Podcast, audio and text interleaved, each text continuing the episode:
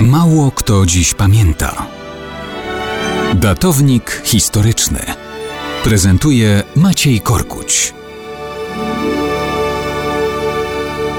No tak, mało kto dziś pamięta o Juliuszu Cezarze. Nie, nie, nie o władcy Rzymu sprzed 2000 lat, ale o Juliuszu Cezarze d Austria sprzed kilku wieków. Tym mniej osób pamięta o córce chirurga i golibrody z czeskiego Krumlowa, Markecie Pichlerowej i o mrożących krew w żyłach wydarzeniach z 17 lutego 1608 roku. Kim był Juliusz Cezar d'Austria, zwany Don Giulio? Był synem cesarza Rudolfa II Habsburga, nieślubnym, bo Rudolf uwierzył przepowiedni, że jak będzie miał następcę z prawego łoża, to ten pozbawi go tronu. Więc się na wszelki wypadek nie ożenił i wszystkie dzieci, mówiąc nieładnie, miał na lewo. A tronu pozbawiła go i tak w końcu pewna przypadłość związana z nazwijmy to emocjonalnie niestabilnym trybem aktywności, czyli syfilis. Don Giulio był nie tylko synem nieślubnym,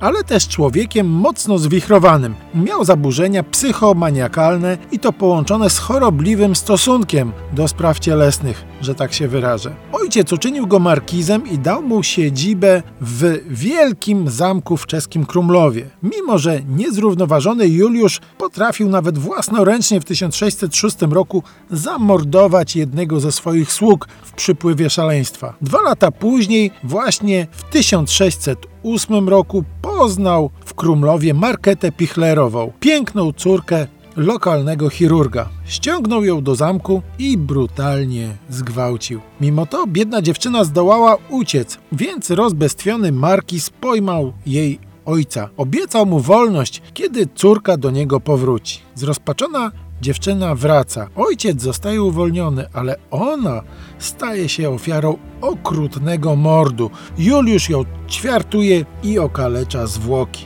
Ludzie są tym oburzeni. Cesarz finalnie osadza go przymusowo w areszcie na terenie zamku. Po półtora roku Juliusz Cezar d'Austria tam umiera na skutek pewnych powikłań chorobowych. No cóż, ten Juliusz Cezar sprzed 2000 lat był zdecydowanie bardziej twórczym i ciekawym bohaterem historii.